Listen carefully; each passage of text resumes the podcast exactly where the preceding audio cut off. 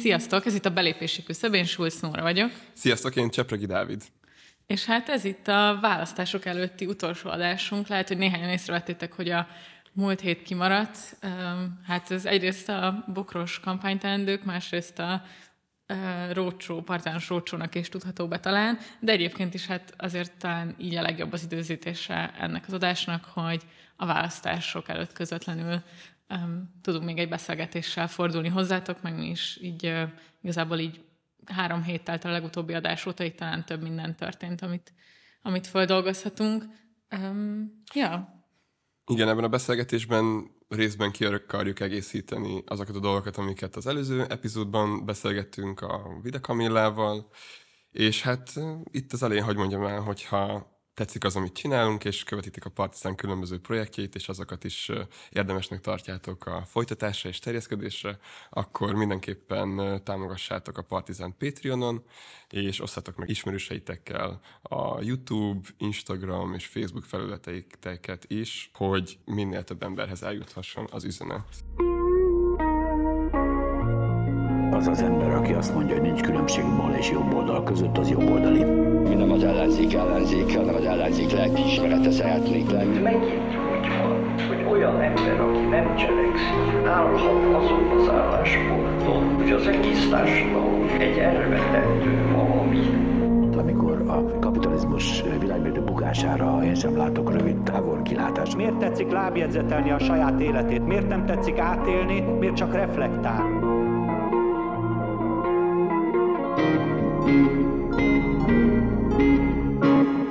Szóval, hogy igen, ebben, ahogy a, ahogy a felvezetőben említettük, hogy ki szeretnénk kicsit kiegészíteni azokat a dolgokat, amiket, amiket az előző epizódban így érintettünk, és Hát ja, ez egy választási hónap egyszerűen, mind a kettőnk különböző módokon, de a választásokkal és a választással foglalkozik.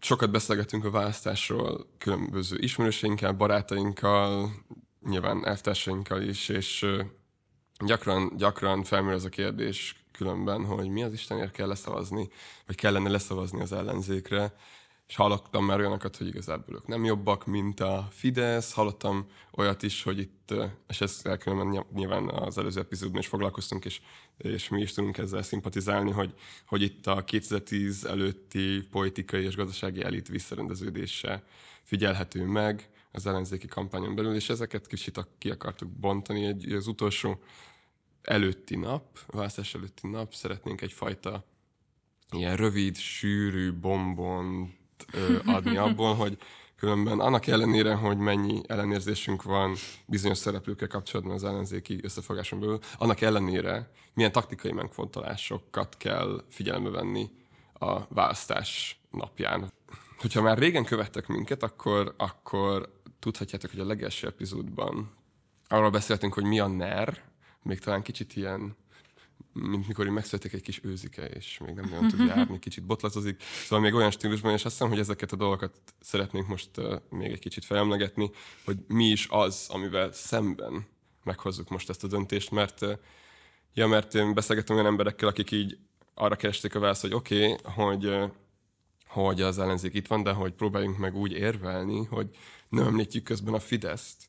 És az, azt hiszem, hogy hogy így, ne, így nem lehet egyszerűen érvelni, hiszen a választás az ebben az esetben egy taktikai, taktikai választás, valamivel szemben kínál alternatívát az ellenzék. És hogyha nem is alternatívát, de, de majd mi beszélünk arról, hogy mit. Igen. Hát szerintem amúgy, szóval én nem, nem feltétlenül azt gondolom, hogy most mi fogunk meggyőzni bárkit, de egyébként egy csomó felmérés születik arról, hogy az utolsó hetekben, utolsó napokban döntik el egyre többen azt, hogy egyáltalán elmennek a szavazni, vagy egyébként hogy szavaznak, és ilyen szempontból szerintem egyáltalán a szavazásra buzdítani is érdemes, de valahol egyébként bennem van mindig egy, hát egy ilyen kényelmetlenség, amikor valaki csak annyit mond, hogy menj el szavazni, yeah. Um, hiszen az pont valahol azt érzem, hogy egy ilyen depolitizálja azt az ilyen tényleg lényeg, a legesszenciálisabb politikai döntést, ami az, hogy kire szavazol. És szerintem ez is nagyon fontos, tehát, hogy olyan, ez valamennyire egy ilyen furcsa gesztus, hogy mondjuk mi most itt tényleg megmondjuk, hogy mi, mi alapján és hogyan fogunk szavazni, vagy hogy milyen szempontokat ajánlunk így a figyelmetekbe, de szerintem ilyen szempontból én ezt egy fontos gesztusnak is tartom, hogy abban az ilyen dömpingben, amit most egy csomó ilyen felvilágosult celeb, meg, meg közelti személyiség csinál, hogy menj el szavazni, abban azon így, hogy mondjam, részben túl menve, vagy hogy számunkra szerintem ez is az önazonosabb, hogy, hogy megmondjuk, hogy milyen szempontjaink vannak. Ja, és hát egyébként nyilván ezek meg ilyen bonyolultak, mert pont ezen gondolkodtam, hogy bármit így kiemelek, akkor biztos, hogy belegyalogolok valakinek a, a koncepciójába arról, hogy mi a legnagyobb baj jelenleg. Uh-huh. Ja, egyébként bocs, hogy ez az adás kicsit ilyen darabos lesz, mert most már másodjára kellett félbeszakítanunk, amiatt, hogy hívásokat kapunk, úgyhogy sajnos ez egy ilyen hét, de meg ez egy rövidebb epizód is lesz, de akkor gyorsan szerintem így menjünk is át azon, amiket gondoltunk. Csak azt akartam az előbb mondani, hogy, hogy így kicsit kényelmetlenek érzem persze bármit így kiemelni, mert hogy nyilvánvalóan mindenkinek megvannak a saját érvei, és ez egy nagy részt öm, személyes döntés is, hogy, vagy személyes ilyen élményeken is alapul, hogy kinek mi fáj a legjobban a, az elmúlt 12-20-30 évből, és mi alapján fog szavazni vasárnap. De hogy nekem az egyik például, amit én nagyon durván érzek az elmúlt hónapokban, az mióta így nem csak politikai munkát végzek, hanem van egyfajta ilyen, nem tudom, kvázi újságírói munkám is, hogy mennyivel izgalmasabb lenne, és mennyivel jobb lenne a magyar közélet, hogyha el lehetne hívni olyan embereket, akik tényleg a döntéseket hozzák, és lehetne velük beszélni, és hogy mondjam, ez kicsit egy ilyen önző, vagy egy ilyen önző szempont, amit becsomagolok abba, hogy a, a közélet is jobb lenne, de hogy egyszerűen tényleg kipróbálnám, csak így izgalmas lenne, hogy mi történik a kormányváltáson. És ez, és ez még így, szóval ez a legfelszínesebb érvem, de, de abban biztos vagyok, hogy mivel ez így engem is így személyesen így tökre érint, és így amikor ott, ott fogok állni a szavazólap előtt, akkor így eszembe fog hogy basszus, csak így próbáljuk ki. És mi az, amivel a legnagyobb esélyt adok annak, hogy kormányváltás lesz? Amúgy ezt én is felírtam, ezt hiszem érintettük néhányszor, hogy hogy egyszerűen az utóbbi 12 évben a politikai közélet az megdöbbentően le lett szüllesztve. Igen. Tehát itt, amikor ilyen köcsögözésről kell olvasni a parlamentben, meg stb., meg ugye amikor a kampány az gyakorlatilag mémeknek az összessége, Igen. azt hiszem, hogy ezt nem kell tovább így magyarázni, de hogy persze ennek van egy ilyen olvasata is, hogy, hogy ez akkor sem lenne igazából őszintébb, hogyha szakpolitikai viták, vitákkal lenne tele minden sajtótermék, viszont ezzel alapvetően nem értek egyet. Tehát itt a, a politika lebutítás és lezüllesztése egy olyan reflexet vált ki a társadalomból, amikor így teljes mértékben távol kerülnek a döntéshozástól, amire a Nóra is utalt, és kialakulnak ilyen apolitikus és antipolitikus reflexek, ami, ami okozhatja azt az ilyen látszatot, hogy itt a civil szférába való visszahúzódás az egyfajta ilyen önrendelkezés, de hogy ugyanakkor a politikai intézményrendszerben hozott döntések a mai napig végérvényesen igazából hatással vannak az életünkre, és hatással vannak arra, hogy hogyan rendelkezünk a saját erőforrásaink és saját közösségeink felett. Szóval én mégis látom azt, hogy én nem tudok egyetérteni tényleg azzal, hogyha, hogyha, hogy így ennyire lebecsüljük a közéletnek a minőségét, ja. mert szerintem ha nem is, ha nem is egy ilyen Hát, hogy a fontosságát. Igen, igen. Szóval nem, is, nem azt mondom, hogy, hogy ha, hogyha visszatér az ilyen politikai vita olyan értelemben, hogy érdekcsoportok végre nyíltan tudnak egymással vitatkozni, hogy nem azt mondom, hogy ezzel minden megoldódik, hanem azt, hogy, hogy amellett, hogy izgalmasabb lesz, amellett sokkal inkább transzparensebb lesz az, hogy hogyan rendelkezünk a saját, hát a saját sorsunk felett, hogyha úgy tetszik. Igen.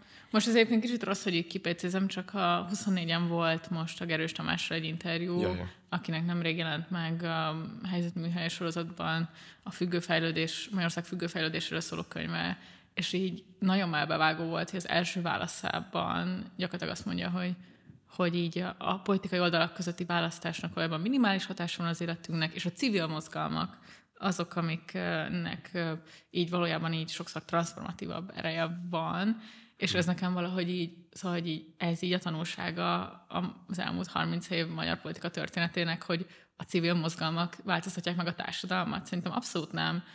A pártok története sokkal inkább az elmúlt 30 év története, hogy a pártok hogyan akár a társadalom mélyebb rétegeit, akár, akár a, a, fe, a, felépítménynek az intézményeit hogyan alakítják, és ez nem csak a Fidesz története, hanem az elmúlt 30 év, és na mindegy, ez csak így bennem volt ezen a héten, Jaj. hogy így annyira megütött, hogy lejön egy ilyen rendszerkritikus baloldali szerzővel egy interjú a választási hét elején, vagy talán vagy a hétvégén jelent meg, és ez most nem is azért, hogy ő, a Gerős Tamás ezt mondta, hanem azt gondolom, hogy ez nagyon sok baloldalinak talán ez a véleménye, hogy nincs tétje a választásoknak, és hogy mindegy, hogy kit választunk, úgyis a nemzetközi tőkének ki vagyunk szolgáltatva, és hogy minek menjek el szavazni, és utána legyen lelki fordulásom, hogy egy rossz opcióra húzom be.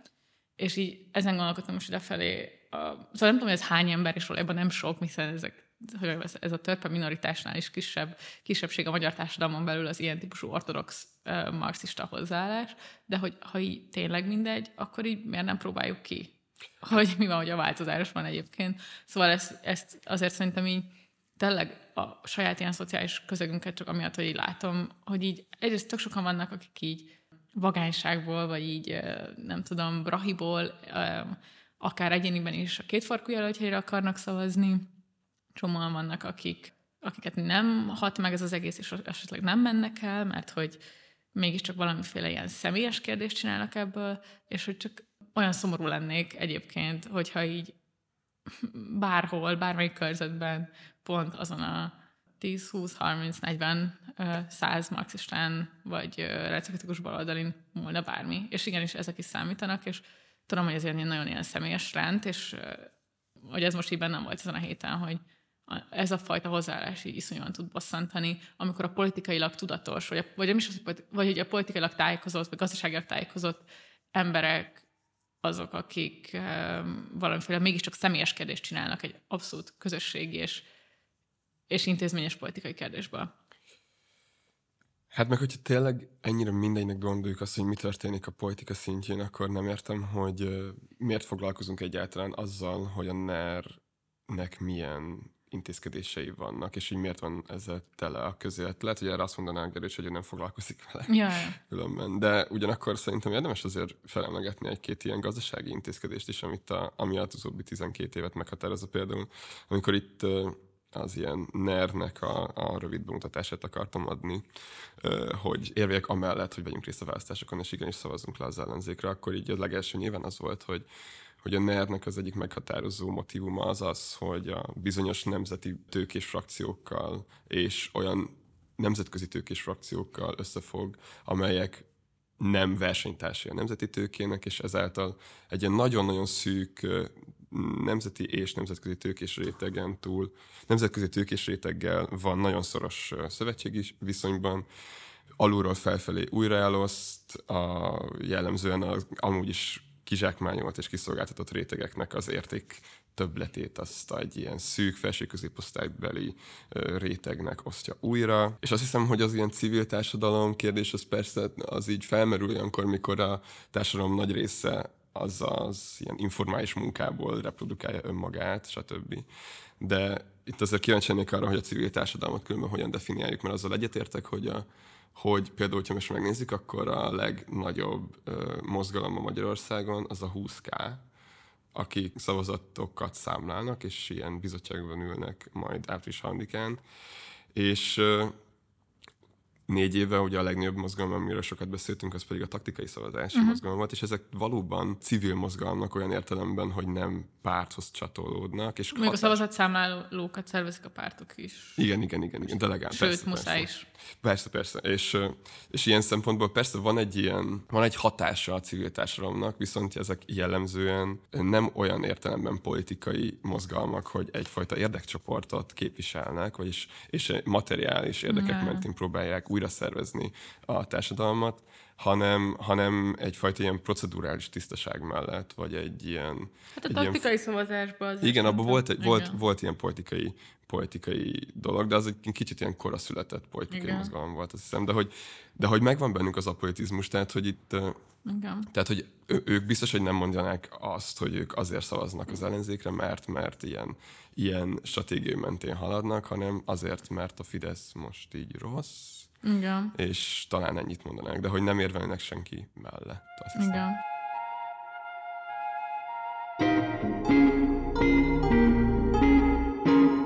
hát a másik meg, amin gond, szóval, hogy amikor így megbeszéltük a Dáviddal, hogy csináljunk egy ilyen részt, akkor így, um, uh, így gondolkodtam azon, hogy így mit mondhatnék, és, uh, és nagyon vicces, mert hogy alapvetően teljesen ilyen primér szintre mentek le a, a gondolataim azonnal, hogy egyszerűen a NER, hogy unalmas, ronda, környezetromboló, társadalmilag a társadalmat dezintegráló, és hogy így Ö, nem, nem csak így az jutott eszembe, nagyon izgalmas, amikor még uh, gimiben uh, filozófiára jártam, és volt egy ilyen, uh, van egy ilyen fontos vita az analitikus, kontentális filozófia között, hogy, hogy lehet-e értékítéletekről beszélni, vagy hogy, és akkor, hogy a, a bécsi analitikusoknál volt ez egy ilyen álláspont, hogy egy ponton túl a, a, a morális dolgok, meg az esztétikai dolgok az csak annyi, hogy valamire azt mondod, hogy fúj, vagy éljen.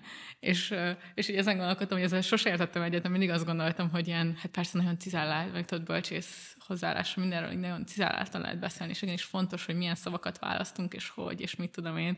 És úgy eljutottam, hogy ja, persze, még továbbra is ezt gondolom, de a NER kapcsán tényleg Szóval ez a két opció, hogy így fúj, vagy éljen. És így, és így ez, ez az, amilyen tökre ilyen szomorú, mert hogy már így belefáradtam abban, hogy valahol, hogy ilyen nagyon cizellált és szofisztikált elemzéseket adjak arról, hogy mi a baj a lakhatási válsággal, mm. hogy mi a baj az oktatási rendszerben, hogy mi a baj azzal a fajta ilyen uh, újraiparosítási politikával, amit csinálnak, és, és egyszerűen csak így, szóval így, ha így, hogy a végén itt tényleg csak így ez, hogy fúj, Amúgy ez nagyon vicces, hogy, a, hogy szerintem viszont a legtöbb ember így az elejétől kezdve fúj, és mostanában az utóbbi talán egy évben az előválasztási kampányok ilyen szakpolitikai vitái alapján tudnak elmondani azt, hogy, hogy miért fúj. Mm. És mi meg így az ilyen elemzéssel kezdtük, és aztán mostanra, amúgy kicsit szerintem a politikai munka miatt Abszolút, is persze. belefáradva csak azt mondjuk, hogy meg, hogy az Istenbe szavaznám másról az ellenzékre. És, és azt tegnap vettem észre úgy magamon, mikor így, mikor beszélgettem egy olyan ismerősömmel, aki így tudatosan nem akar elmenni szavazni, és így hirtelen tényleg én sem tudtam neki így más mondani, hogy így, hogy miért? Vagy hogy így, hát nyilván, menj el. És aztán el kellett tenni néhány percnek, amíg így összeraktam magamba azt az olyan elemzést, uh-huh. ami miatt egyáltalán csatlakoztam a politikai Igen. munkában még néhány éve, ami így ezeket, ezeket az ilyen gazdasági és társadalompolitikai intézkedéseket öleli magában, amikről már beszéltünk, meg amiket te is mondtál. Igen. Egyébként nekem még a másik ilyen, szóval annyi ilyen fenntartásom van még azzal, hogy így úgymond szakpolitikák mentén kritizáljam a Fideszt ahhoz, hogy meggyőzök embereket arról, hogy az ellenzékre szavazzanak, hogy így tényleg őszintén azért nehéz azt megugrani, hogy így azt mondjam, hogy minden egyes területen, amit kritizálok a Fidesznél, jobb lesz, ja, persze, hogyha igen, ez, ez ha kormányváltás lesz. Tehát, hogy ezt egyszerűen nem tudom mondani, mert ebben ilyen zsigeri szinten nem hiszek, de azt gondolom, hogy de iszonyú fontos pontokon a családtámogatási rendszerben, családi pótlék kapcsán, az esetben, ha tényleg a,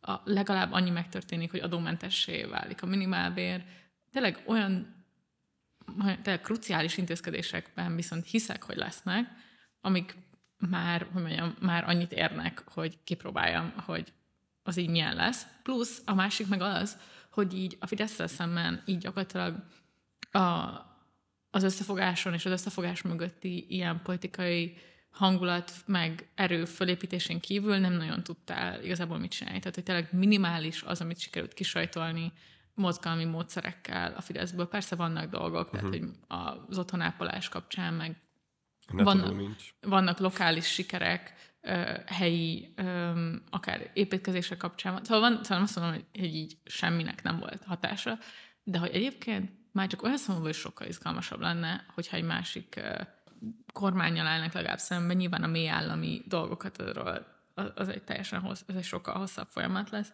hogy így utána már meg lehet harcolni végül is azokért a baloldali célokért, vagy azokért a szociálpolitikai célokért, amikkel jelenleg mondjuk a Márkiza és kabinettének tanácsadói mondjuk még nincsenek ö, egy platformon. És így azt a harcot, bizonyos egy új harcot szívesebben harcolnék, mint ugyanazt, amit x évekkel. Szóval szerintem ez is egy ilyen fontos szempont, hogy így Szóval nem azt próbáljuk mondani, hogy a szavazás minden. Teljesen tudatában vagyunk annak, hogy a politikának széles eszköztára van, és hogy sok minden lehet élni, és most tényleg nem az, hogy nekünk szerintem ezt nem kell úgymond bizonygatni, hogy sok mindent lehet csinálni, és, és próbálkozunk is, de hogy igenis az van, hogy most ez a szavazat megnyithatja az utat ahhoz, hogy kipróbálhassunk oly dolgokat, és kísérletezhessünk, és a politika csinálás az valójában mindig egyfajta kísérletezés, és igazából azt, aki így nem lelkesen szavaz le baloldaliként az ellenzékre, amit maximálisan azért így empatizálok és megértek, annak így azért azt is javaslom, hogy hogyha rosszul érzi magát attól, hogy az ellenzékre szavazott, akkor utána nézzen szét és gondolja végig, hogy mit tud még csinálni, amivel mondjuk jobban azonosul, vagy, vagy nézze meg azt, hogy a számára szimpatikus, akár ilyen mozgalmi, vagy, vagy civilebbnek tekinthető szervezetek életét hogyan változtathatja meg, és akkor segítsen utána nekik, vagy nem tudom, szóval, hogy szerintem itt egy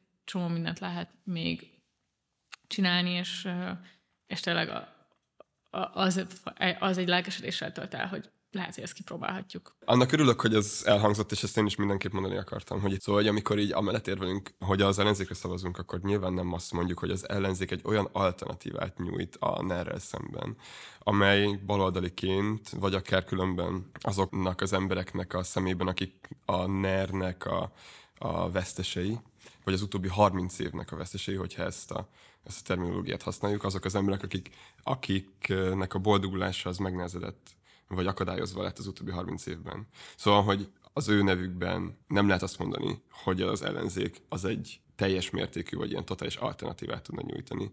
De azt lehet mondani, amit a Nóra mondott szerintem, és én is így ezt szoktam érvként használni.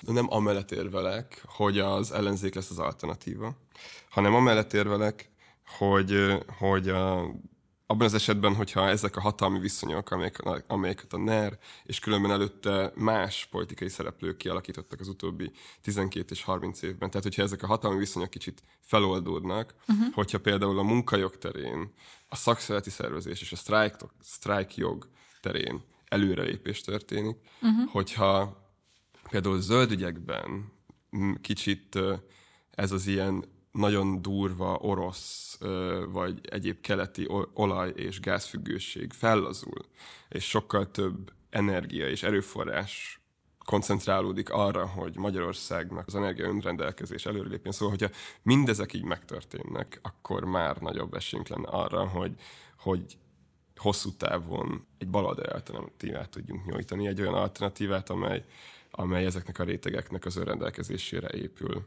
Igen. Hát igen, ezzel teljesen egyetértek meg szerintem. Tényleg én, én azt a fajta, szerintem ilyen, erről idefelé beszéltünk, hogy azt a fajta ilyen pszichológiai hatást, vagy ezt az ilyen, tényleg ilyen egyéni szubjektumokat átformáló hatását sem szabad alulbecsülni a ner ami most egyébként szerintem tök durván megmutatkozik, hogy hogyan fogadták tényleg az emberek a menekülteket, amikor barna bőrűek és messzebbről jöttek, és hogyan fogadják, mármint azután a Fidesz szimpatizánsok hogyan fogadják az Ukrajnából érkező menekülteket, és ez egyszerűen én tényleg másnak szinte nem tudom betudni, mint annak, hogy hogyan kommunikált erről az általuk támogatott kormány. Ja, ja, és, és én tényleg azt hiszem, hogy a NER bizonyos a legrosszabbat hozza ki a magyar emberekből és ez ilyen megbocsáthatatlan kb.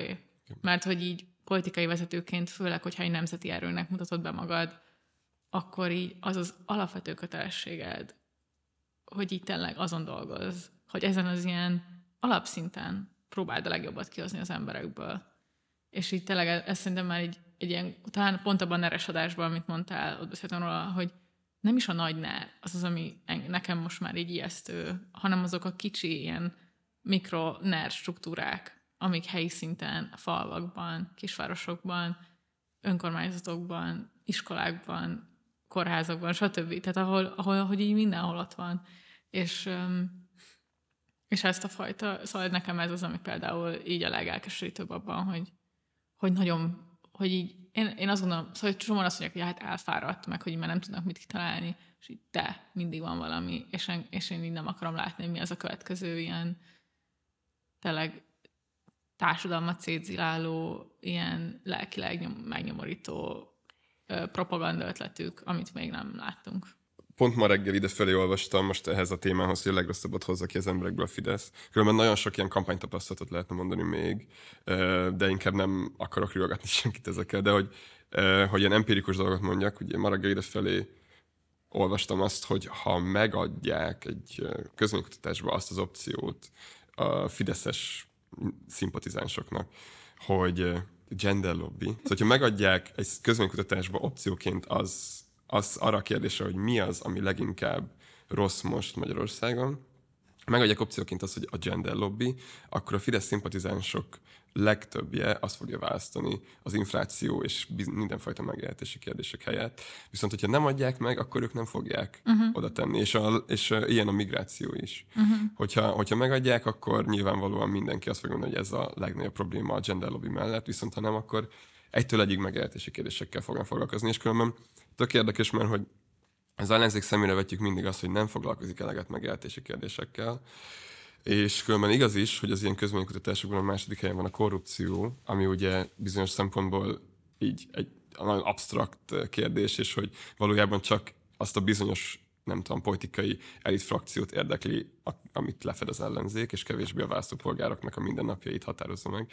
De hogy mégis ez a korrupción kívül megértési kérdéseket Igen. fognak mondani. Egészségügy, infláció, szociális háló, lakás, lakhatás, stb. Szóval, hogy valamennyire átmennek ezek az üzenetek. Különben van ez a mondás, ugye ez nincs még négy évünk a Fideszre, és ezt sokan ilyen cinikusan szokták emlegetni, de az a helyzet, hogy hogyha most tényleg nem történik egyfajta változás politikailag, akkor, akkor azok, tehát hogy annyira elfogy mindenfajta energia az ellenállásra, hogy például az, amiről beszéltünk, hogy az emberek a Covid alatt így is vissza vonultak inkább a magánéletükbe, ez maximálisan fel fog erősödni, mindenfajta politikai önrendelkezési Igen. iniciatíva szerintem elhal, ja, biztosan fel, vagy megemelkedik a kivándorlás, és stb. És, és különben azok az ilyen reproduktív folyamatok, az, amik ugye, amiket említettem, hogy, hogy emberek a, nem tudom, 28 ezer forintos nyugdíjaikat uh, úgy próbálják kiegészíteni, hogy különben sok esetben egyszerűen csak kéregetnek, meg és szóval ezek egyszerűen fel fognak erősödni, és ne várjuk azt a ner hogy majd így igazodik ehhez. Igen. Tehát pont, amit te is említettél, hogy, hogy az utóbbi 12 évben egyáltalán nem az a tapasztalat, hogy hogyha, hogyha érzi valahol a rendszer, hogy itt nélkülözés van, vagy, vagy, ott, vagy adott esetben szenvedés, akkor, akkor ez igazodik, mint különben néhány hát, más Vagy csak, hogyha teljesen a végletekig el van tolva, mint Pontosan. a Covid alatt az egészségügyi dolgozók, vagy hát az orvosok igen. helyzetét kezelték valamennyire, igen. Igen, igen, és, és az is azért, mert hogy politikailag mérlegelnek, hogy ez mennyire... Tehát, hogy például, hogyha az orvosok ezt az orvosoknak az önrendelkezése, az orvosok pontosabban érdekképviselete az valószínűleg hatékonyabb, mint annak, a tö- annak az óriási népességnek, akik az utóbbi tíz Persze, meg az orvosok tényleg el tudnak menni. Igen. A legtöbbször vagy elmennek magánba, vagy elmennek akár már csak bármelyik szomszédos országba. Például egyébként én ezzel magyarázom, hogy a tanárokkal ennyire nem foglalkoznak, mert tanárként egyszerűen a, ezek a lehetőségeid sokkal ja. kisebbek.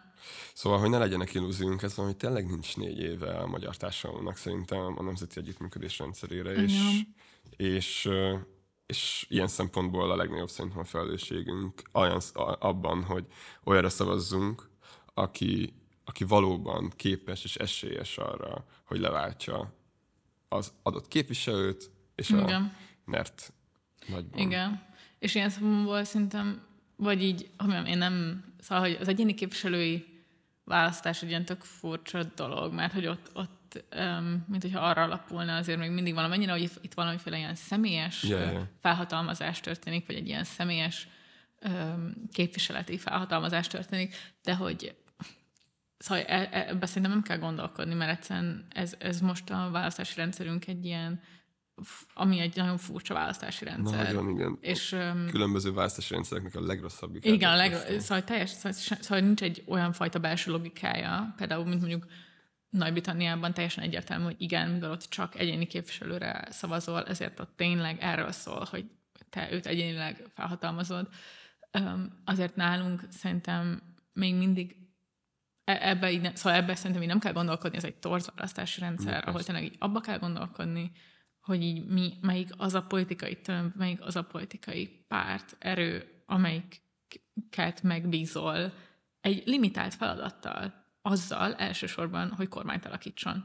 Ennyi a kérdés. És így nem az a kérdés, hogy neked szimpatikus-e az az egyéni képviselő, nem az a kérdés, hogy neked szimpatikus-e a szomszéd körzet képviselője, vagy mind a 106 képviselő, egyéni képviselő jelölt szimpatikus-e, és nekem sem, hanem e- ez a kérdés.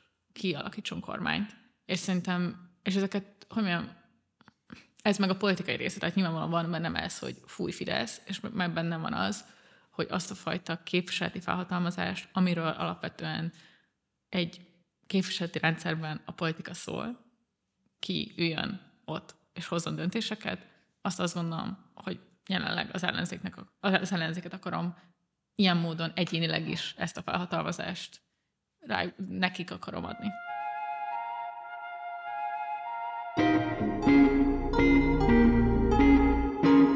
Ja, és hát szerintem tényleg az a fajta ilyen, szóval, hogy lehet öm, mindenféle ilyen, nem tudom, tényleg személyes ö, ilyen érzelmi zsaroló dolgokat is ö, behozni. Meg, nem leszek többet a barátod. Ö, meg lehet ö, mindenféle módon hatni családtagokra, barátokra, de hogy szerintem, szerintem az egy ilyen tök fontos dolog, hogy, hogy, hogy, hogy így azt, a, azt az érzetet így átadjuk, hogy vannak ezek az érzelmi dolgok, vannak szakpolitikai dolgok, és vannak úgymond ilyen, hát ilyen procedurális, vagy ilyen tisztább politikai ö, folyamatokról szóló érveink is, és szerintem így ezeket így mindenkinek fontos így mérlegelni, meg azt kitalálnia, hogy hogyan fogja, és melyikkel meggyőzni a barátait, családtagjait, munkatársait, és hogy így ez, egy ilyen, ez az ilyen legbészikebb kampánytechnika, amit most egyébként tökre tol az ellenzék is, hogy ki az a három ember, akit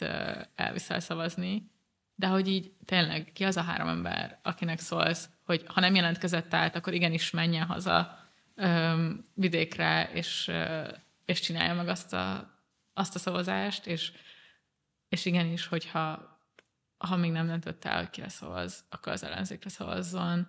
Persze, tudom, hogy van csomó helyen más opció, és lehet, hogy valakinek az egy ilyen kielégülést okoz, hogy, hogy így bemutat úgymond az ellenzéknek, mert az ellenzék nem vált olyanná, amilyet szeretne, de hogy így inkább töltsük azzal a következő négy évet, hogy az ellenzéket próbáljuk kikupálni, kvázi, és akkor oké, okay, hogy ez egyfajta naivitás, hogy ebben bízok, de szerintem igenis lehet, és um, például most tényleg csak a saját példánk is szerintem azt mutatja, hogy, hogy van az a fajta stratégia, ami például bejuttat balos üzeneteket és témákat és jelölteket, hogyha politikai erőt építesz mögé.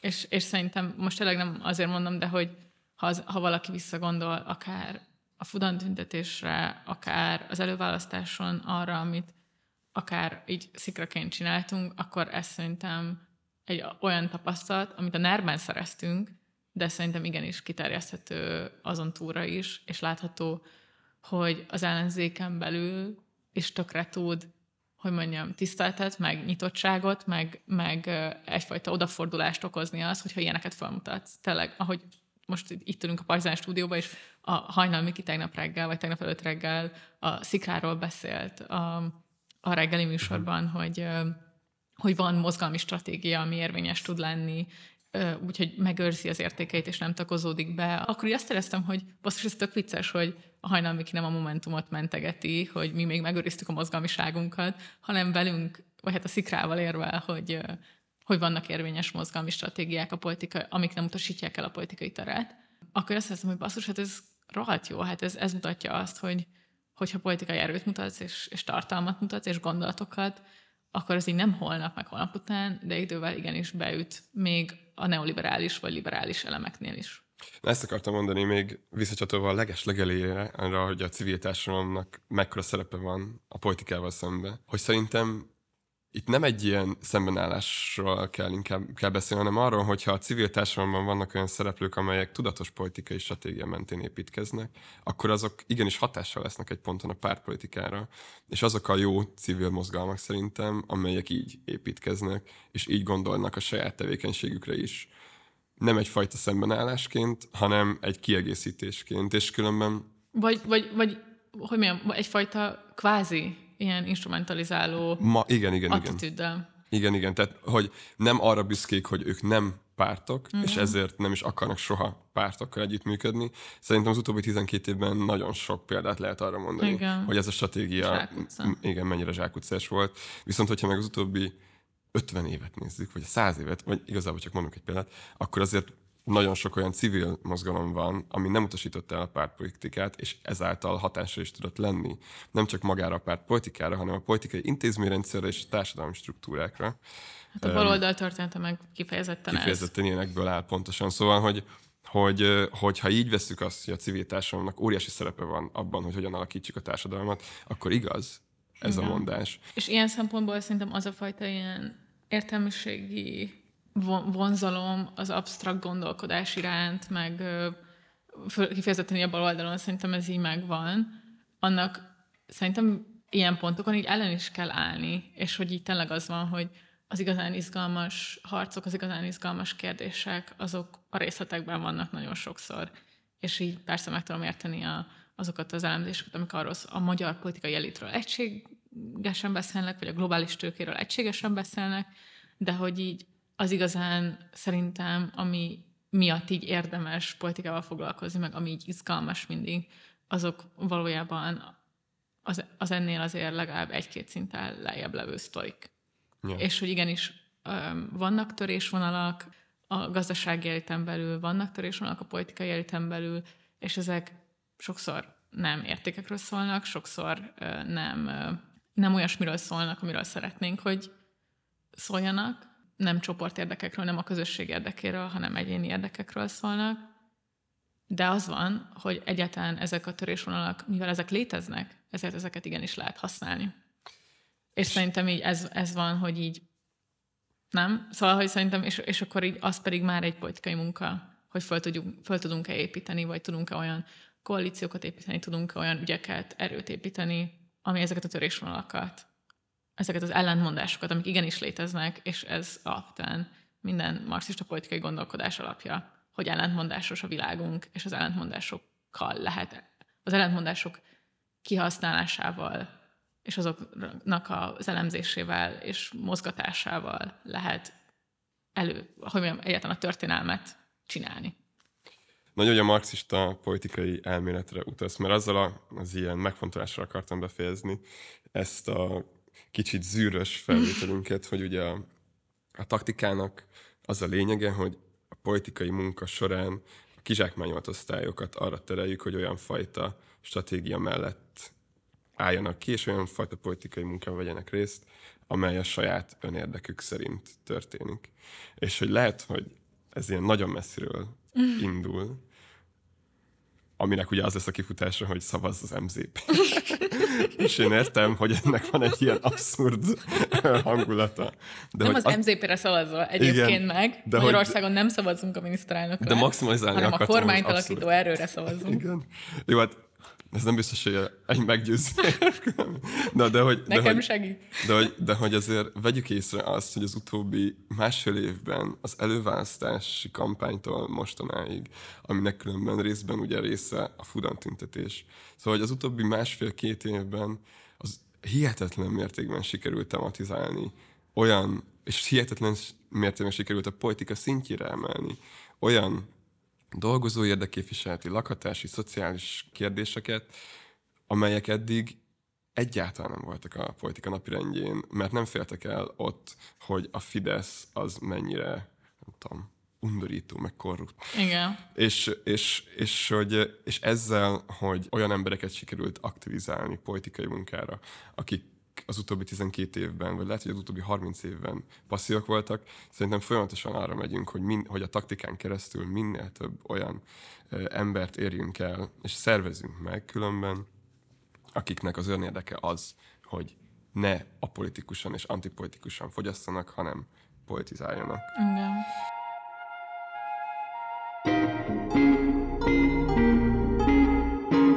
Én még egy dolgot mondanék így a végén, hogy hogy mondjam, szóval, ö, szerintem nagyon fontos fenntartani a reményt és ezt a fajta ilyen hozzáállást. De hogyha a Fidesz marad, akkor is itt leszünk. Igen, és hogy, hogy nyilvánvalóan kell majd gyászfolyamat akkor, meg egy csomó mindent át kell gondolni, meg mit tudom én. De hogy így ilyen szempontból lehet, hogy rosszabb helyzetben leszünk, mint 18 után, mert hogy most nagyobb volt a, a remény, vagy én azért azt érzem, de hogy szerintem ez, ez, ez, ezt a fajta ilyen hosszú távú építkezést akkor sem lehet elengedni, és tényleg olyan valószínűleg kétségbejtő lesz a helyzet, hogyha, hogyha nem lesz kormányváltás, nagyon sok szempontból, nem, nem az ellenzéki aktivisták szempontjából elsősorban, hanem a magyar társadalom Igen. szövetét tekintve.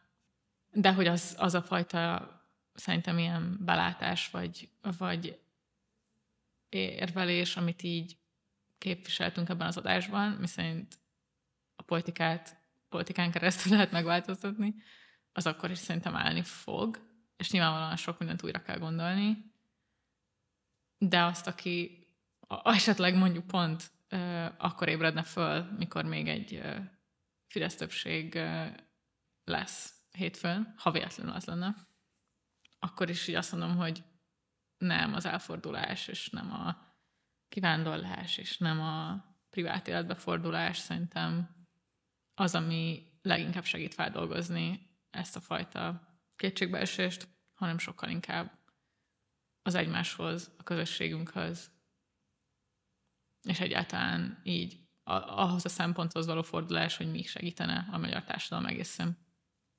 És ez az, ami szerintem az egyéni ilyen kilátástalanságot is adott esetben leginkább enyhíteni tudja. Meg csak ezt akartam mondani. Szerintem nagyon sok mindent összeszedtünk, amellett, hogy, hogy miért kell szavazni az ellenzékre, és örülök, hogy megcsináltuk ezt az adást. Holnap mindenkivel találkozunk a szavazó urnák előtt.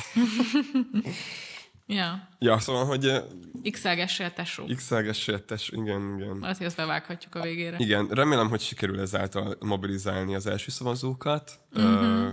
meg mindenki mást. Szóval, ja, örülök, hogy sikerült ö, felvennünk ezt a részt, és ö, még azt mindenképpen el akartuk mondani, hogy ez bizonyos szempontból egy ilyen évad felező epizód. Ugye a március az a az a belépési Kampányról küszöb szólt. epizódokban is a kampányokról szólt. És májustól visszatérünk, és izgalmasabbnál izgalmasabb vendégekkel fogunk beszélgetni a gazdaság, a kultúra és a politika különböző kérdéseiről. Amik ilyen metázósabbak talán. Lesz időnk megint ezeken Igen. agyalni. És annak függvényében, hogy mi lesz az április 3 választásnak az eredménye, lesz különböző szempontból érdekes mindegyik Igen. beszélgetés. Ezt még meg kell várnunk. Igen. Ja, hát én akkor ezt tudom mondani, hogy aki szerint nincs értelme szavazni, az valójában nem veszített semmit, menjen oda, húzza be az X-et az ellenzékre. Aki szerint, hogy mondjam, számít, de szar az ellenzék, az húzza be, és utána meg dolgozzon azon, hogy elérje azt, hogy olyanná váljon az ellenzék, amilyet szeretne, mondjuk például szociálisan érzékenyebbé, baloldali szempontból gazdaságilag informáltabbá. Jegyezzétek meg ezt Én jól. így, állok, én így állok ez, és valójában azt gondolom, hogy lehet pofázni, meg lehet mindent mondani, de a végén a politikát X-ekre játszák, úgyhogy én, én, én ebben valójában ilyen primér szinten azt gondolom, hogy A, a jóságot, X-elgessél tesó, ennél többet nem lehet mondani tényleg. igen, a jóságot nem jóságban mérik, hanem x-ekbe, Ja. hogy egy ilyen parafrázis. Na jó van. Szuper, hogy nagyon köszi. meghallgattátok, köszi, hogy elmentek szavazni, és találkozunk mi hamarabb. Sziasztok! Sziasztok! Csak egy nap van. Nyisd ki a szemed, kérlek. Nézz körbe. Látod, mennyien vagyunk? A titok, amiről mindenki beszélt. Most megnyílik előtted is. Csak egy nap van.